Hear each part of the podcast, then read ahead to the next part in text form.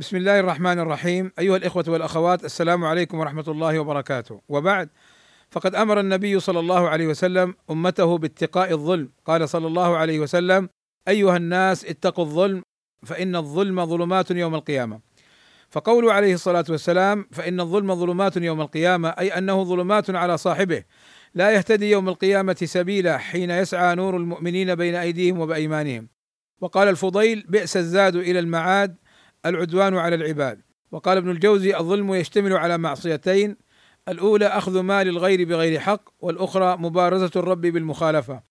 والمعصية فيه أشد من غيرها لأنه لا يقع غالبا إلا بالضعيف الذي لا يقدر على الانتصار وإنما ينشأ الظلم عن ظلمة القلب لأنه لو استنار بنور الهدى لاعتبر فإذا سعى المتقون بنورهم الذي حصل لهم بسبب التقوى اكتنفت ظلمات الظلم الظالمة حيث لا يغني عنه ظلمه شيئا.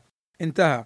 وإن الظلم مما يعجل لصاحبه العذاب والعقوبة في الدنيا قبل الآخرة ولا يفلت في الآخرة. وذلك لعظم شأنه وخطورة أمره عند الله عز وجل. ولا يغتر الواحد منا بإمهال الله للظالمين فإن الله يمهله ولا يهمله. قال صلى الله عليه وسلم إن الله لا يملي للظالم حتى إذا أخذه لم يفلته. قال ثم قرأ وكذلك أخذ ربك إذا أخذ القرى وهي ظالمة. إن أخذه أليم شديد. والسلام عليكم ورحمة الله وبركاته.